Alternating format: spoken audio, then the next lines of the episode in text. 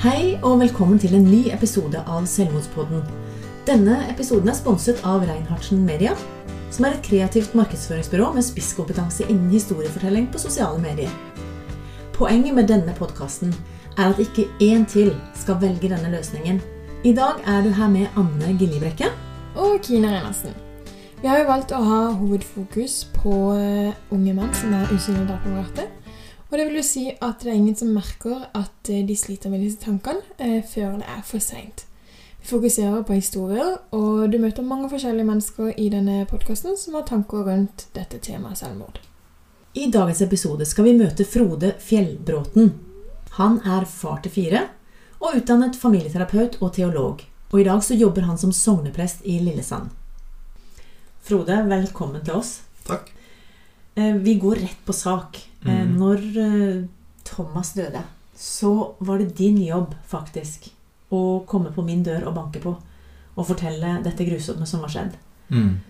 Eh, Vi var jo allerede dratt til Oslo da, men jeg tenker, hva, hva var det på en måte du tenkte når du fikk den beskjeden? Hva, hva går gjennom hodet ditt når du vet at du skal gå inn og på en måte snu en hel familie på hodet med en sånn forferdelig beskjed?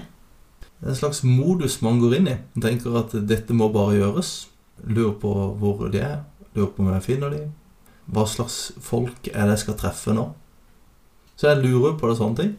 Og så har jeg jo fått noe informasjon fra politi som sender meg ut. Og så, så blir det jo spennende å se hvordan er miljøet rundt disse som jeg skal dra og fortelle dette til.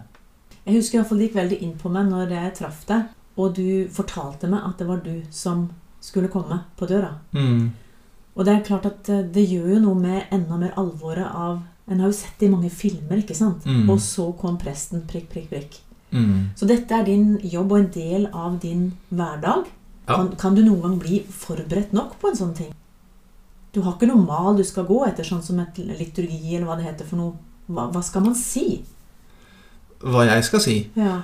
Nei, jeg skal dra dit og fortelle disse her folka en forferdelig beskjed. Men blir du sittende med de og prate litt, da? Eller Ja. går du bare igjen? Nei, nei. Jeg blir som regel sittende. For at jeg får beskjed om noe fra politiet som de må ha levert ut. Og så drar jeg til disse folka som det gjelder, og av og til ringer jeg på døra til folk klokka fire om natta. Eller når de må få beskjed. For de skal slippe å få beskjed via Facebook eller uh, melding eller sånn. Det skal helst være noen sammen med mennesker når de får en sånn knusende beskjed. Så spør jeg om å komme inn. Og da, idet jeg liksom ringer på, og det kanskje er et litt ugunstig tidspunkt, og det står en fyr med rund snipp og sier 'kan jeg komme inn', da skjer det ofte noe helt forferdelig med mennesker. For du kan se at eh, dette her kommer de til å huske lenge. Og jeg veit jo det. Og så begynner vi å snakke, og så stiller Eller så forteller jeg det jeg har fått høre fra politiet. Og så stiller de spørsmål. Og så prøver vi å finne ut av det vi må finne ut av. Og så eh, sitter en og prøver å ta inn over seg hva er dette? Og når en har gjort det en stund, så begynner en å få behov for å fikse ting. Jeg tenker ofte at det er bra at det er noen sammen med dem før jeg drar. Så at hvis det er noen som er vekke og som er helt alene, så at eh, det kommer noen til dem. Eller hvis jeg Ikke nødvendigvis profesjonelle folk, men Nei, noen familie som de er eller venner. Noen som de er trygge på. Sånn at ikke de blir sittende helt alene med dette her. For det kan skje så mye når man får sånne sjokk. Så da, da er jeg opptatt av at de møter flokken sin, eller noen fra den, som er liksom deres folk. Har du noe oppfølging etterpå da, eller er det andre som tar over det? Noen ganger så er det jo Hvis det er her i byen, så er det jo meg som har begravelsen. Kanskje. Det er jo, vi gir jo beskjed til de som er prester på det stedet. Eh, sånn at de kan følge opp etterpå. Men det varierer veldig. Det er alltid fra at de har noen som de kjenner, som følger de videre, til at eh, vi blir kjent, eller at eh, det er et helt annet sted. Altså jeg kan måtte dra langt for å gi sånn beskjed. Eh, Så da, da er det jo noen på det stedet som tar videre. Vi skal litt videre inn på det som er hovedfokuset i, i selvmordspodden, i hvert fall foreløpig. Ja. Og det handler jo mest om unge menn. Og du har en del kontakt med unge menn, vil jeg tro, både gjennom konfirmasjonsundervisning og, og kanskje også samtaler. Kan vi spørre deg om hva, hva slags temaer som unge menn er opptatt av når du snakker med dem? Jeg tror at eh, de som kommer for å snakke med meg, det er litt forskjellige grupper. Det er de som kommer fordi at de vet at jeg har jobba som familieterapeut, og de kan snakke med meg om livet sitt. Og så er det de som kommer for å komme med sånn eksistensielle spørsmål. Og det betyr Det betyr eh, åssen skal jeg forholde meg til at eh, det er så mye jævlig? Eh, Eller at det er så mye som ikke Er det lov for en prest å si det? Den, Så lenge det er det de sier, så kan jeg jo si det. Ja. Eh, jeg tenker at det, hvis jeg, vi er utrolig skuffa over ting, eller lei seg over ting som ikke de eh, klarer å finne ut av, så kan de komme og snakke om det. Og det hender. Så folk kan henvende seg hos presten og spørre kan jeg få en prat. Det er det de gjør. Ja. Mm. Det er vanlig. Og så er det jo mange ganger at det er bare litt sånn forbipasserende. At ikke det er sånn Nå skal vi ha en terapitime, liksom. Men at det bare en, en bare prater. Og så ser jeg noe, og så spør jeg om det. Og så vil de snakke litt mer om det. Har du noen gang spurt direkte unge menn, eh, hvis de har begynt å snakke om at de har det litt vanskelig og sånn, har du noen gang turt å spørre dem om de har vurdert å ta livet sitt? Ja, Det er klart. Ja, hvis det er tegn på det eh, Det er jo ikke sånn standardspørsmål jeg har hvem som helst som kommer inn døra. Men eh, Du er ikke redd for å stille Nei, nei. spørsmålet? Nei, jeg tenker det er helt relevant. I noen situasjoner er det nyttig, og jeg tenker jo at eh, ja, det, vi må kunne snakke om det. Så liksom, min rolle er på en sin sånn slags samtalepartner i forhold til relasjoner. Åssen har du det med de andre som er i livet ditt? Og åssen trives du i den rollen der, liksom? Og det andre er de eksistensielle spørsmålene, som handler om Fins det noe større? Fins det håp om en større kjærlighet? Og når vi snakker om det håpet, Ja. da er vi rett inn på det temaet med Hvorfor tror du at det er så mange unge menn og gutter som tar sitt eget liv? Jeg tror at det er veldig sammensatt. Jeg tror det er fortvilelse. Akutt eller langvarig. Og så tror jeg kanskje at um, det er på en måte Et spørsmål er hvorfor er det så mange som tar sitt eget liv, og så er det andre spørsmål er hvorfor er det så mange gutter. Eh, eller menn, da. Jeg tror kanskje at uh, det er mange eh, på en måte som tar sitt eget liv fordi Eller at det er økende, da. Fordi at det man mangler trygghet til å snakke med folk, sånn at en får ventilert ting som trenger å ventileres. Og så lurer jeg på om det er en slags meningstap. Sånn at når man ikke har noe å kjempe for som er noe betydningsfullt, så gir en opp. Når det er bare utsikter til smerte. Men hvorfor er det vanskeligere for gutter å snakke om dette enn jenter? Har de andre mekanismer de bruker, eller er det Hva er greia der? Vet ikke. Ehm, Det, det fins jo forskning sikkert på dette, men sånn fra min vinkel så tenker jeg at det, det er spennende å snakke med gutter, for at gutter trenger det mer enn jenter, tror jeg. Jeg syns at uh, menn òg trenger å snakke sammen på en mer real måte. Da. Det fins mye sånn tull og fjas og tøys. Og gøy. Ja, og, og gøy er bra, humor er bra, men tøy, sånn fjas som handler om at en ikke egentlig vil snakke om det som er viktig, sånn bare tøyser litt. For hva er det verste som kan skje hvis, du, hvis en gutt forteller en kompis at det, vet du, egentlig så sliter jeg? ja, du kan bli sett på som en sånn eh, belastning, eller at det er litt sånn nedstemt. Eh, Men samtidig tenker jeg at det- er jo mye bedre enn å gå og slite med dette her sjøl. Jeg tenker at kanskje må vi komme dit at eh, vi gjør det tryggere og mer vanlig å snakke om litt vesentlige ting. Så vi våger det, da. At ikke vi bare tøyser med ting. Du har et maleri på kontoret ditt som heter 'Skyggen i gutten'. var det ikke det? Ja. 'The Shadow in the Boy' av Per front. Per Front. ja. Mm. Og når du begynte å fortelle litt bak der, Mm. så handler det om akkurat disse tingene her. Mm. Det ser ut som de bare har det gøy på utsida, og det er alltid aktivitet, og det er masse sånn. Mm. Men at det fins en skygge Ja. som ikke man kan si fra om, da.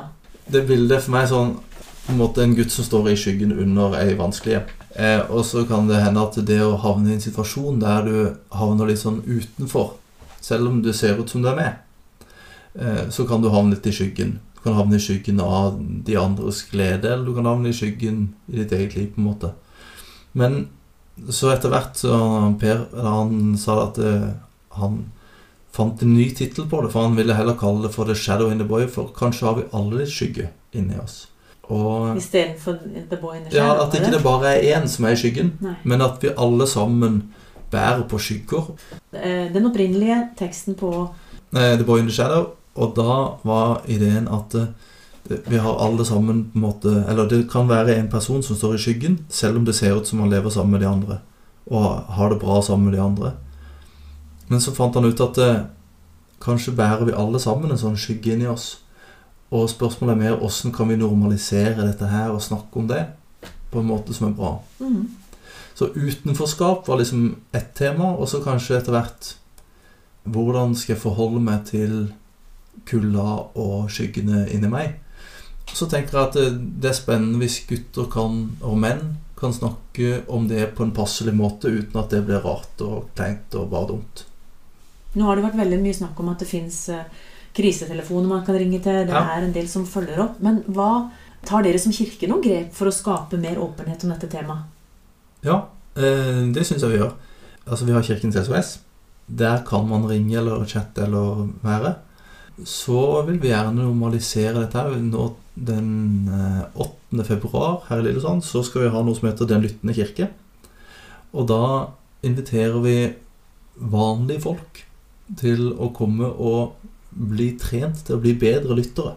Sånn at en fanger opp temaer som ikke bare er for folk som skal skrive mastergrad i familieterapi, eller som skal være psykiatriske sykepleiere, men som bare lever sammen med andre. Og så tenker vi at hvis flere blir i stand til å lytte, sånn at folk kan fortelle fram livene sine, eller snakke om det som er litt vesentlig, da, i et trygt og respektfullt miljø, så tenker jeg at eh, da gjør vi noe vesentlig.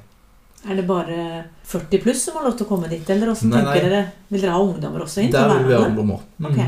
Så de som kan lytte, vil vi ha med der. Og jeg tror det er en bevegelse for å tune seg inn på der folk er. Vi må være sammen i de livene de faktisk har. Så ikke folk gir opp bare fordi det, det ikke var noen som orka å høre eller prioriterte å se. Og når du snakker om det, så er vi rett tilbake til dette med enkeltpersoner rundt. Mm. Som vi har snakka om i tidligere sendinger, at det er ikke det at du må vente et halvt år før du får snakka med en psykolog.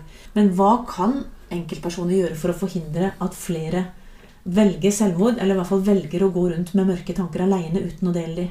Jeg tror at uh, hvis en tør å spørre, lage situasjoner der en kan sette seg ned og bare ja, oute det og bare sp- spørre Er det sånn at uh, du tenker på det der, egentlig? Hvis man går litt sånn direkte modig på, så kan folk som bærer på mørket, få lufta de rommene. Jeg tenker jo at du, hvis du er ærlig sjøl, altså det at noen tør Ja. å si 'Jeg har hatt sånne tanker'. Det tror Jeg jeg vet at det er skummelt å si noe om til dere, men, men jeg orker ikke å gå og bære på det sjøl. Så jeg har Ja. lyst til å fortelle om at jeg har det sånn. Det, jeg føler det er litt det som i hvert fall når vi har vært åpne her. Mm. Plutselig så kommer det masse meldinger fra folk som er, som er liksom Wow, jeg har kjent deg lenge, men jeg visste ikke at du hadde opplevd disse Mm. tinga. Så åpenhet skaper åpenhet tilbake. Ja. Altså, man lager jo tilknytningspunkter når en velger å fortelle om sånne ting. Det at en går og er redd for hverandre eh, i så stor grad at en ikke tør å snakke om det som egentlig er greia, det er så dumt at en bør lage en ny situasjon. Hvis du nå sto foran masse unge menn, hvilket råd ville du ha gitt til dem hvis de sliter med å åpne seg opp? Har du liksom et sånn godt presteråd liksom til oss? presteråd? Nei, men altså, eh, Sånn som jeg sier til mine barna. Snakk med noen. Altså, Finn noen å snakke med, sånn som jeg sjøl har gjort opp igjennom. Vær ærlig med noen. Vær skikkelig, skikkelig ærlig med noen. Kan jeg spørre, hvem, hvem har du fått hjelp til opp igjennom? Ja, jeg har fått hjelp av en som bodde i hybelleilighet hos mamma og pappa. Som bare Jeg tenkte Jeg har tillit til han der. Jeg spør han. Han var god å snakke med? Ja, Ikke så veldig, men eh, han var brukbar. Han, han var veldig kul. Og så tenkte jeg at eh, jeg spør han. Så fikk jeg noen råd. Og så etter hvert så har jeg liksom møtt folk opp igjennom som jeg har tørt å være ærlig med. Som både virker som så interessant at jeg gidder å fortelle, og jeg tror at jeg på en måte får en respons som jeg syns er meningsfull, da. Og som samtidig ikke kødder med meg. Mm. Sånn at de, de gidder å ta det på alvor. Så den der eh, blandingen at eh, det er litt sånn sterkt og mildt, det gjør at jeg får tillit. Og da Det er jo ikke sånn at folk trenger å være en sånn supereksperter i å lytte for å være bra å, fortelle til. Mange er vel kanskje litt redde for å Ja, jeg er Jeg liksom er ikke proff nok, ja, eller ja. Jeg er ikke den ideelle psykolog, så derfor så kan jeg ikke gjøre dette. Men jeg tror at mange Altså, jeg har en kompis nå som jeg treffer ukentlig. Det er ikke sånn vi har liksom terapitid med hverandre, men vi snakker bare om veldig ærlige ting. Og sånn kommer folk til meg for sånne forhold der jeg ikke forteller til de, men de bare kommer for for å snakke med meg. Og da tror jeg at hvis vi kan lage arenaer der det blir mer naturlig å snakke om litt mer vesentlige ting, så tror jeg vi gjør samfunnet bedre. Det hørtes ut som en veldig bra avslutning. Jeg har ikke lyst til å slutte, men jeg tror vi må heller invitere deg inn igjen, Frode. For du har kommet med veldig mange bra innspill som jeg tror mange trengte å høre. Så tusen takk skal du ha. Fint. Takk selv. Dagens råd har vi henta fra helsenorge.no. Og her står det 'Hva kan jeg gjøre når det blir vanskelig?' Hvis du har tanker om å ta sitt eget liv, så er det bra å ha tenkt gjennom på forhånd hva du kan gjøre for å lette denne situasjonen. Og Da kan du lage en krise- eller sikkerhetsplan som du kan ta fram når du trenger den.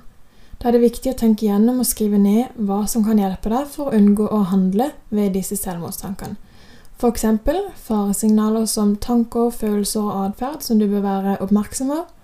Tidlig tegn på krise, faktorer som øker risikoen for selvmordsatferd. Hjelp du kan få fra familie, venner og annet nettverk. Hjelpetjenester. Kontaktinformasjon til tjenester og personer du kan involvere når du ser tegn og symptomer. Og hvordan du ønsker å bli møtt, og hva du mener er viktig hjelp og behandling.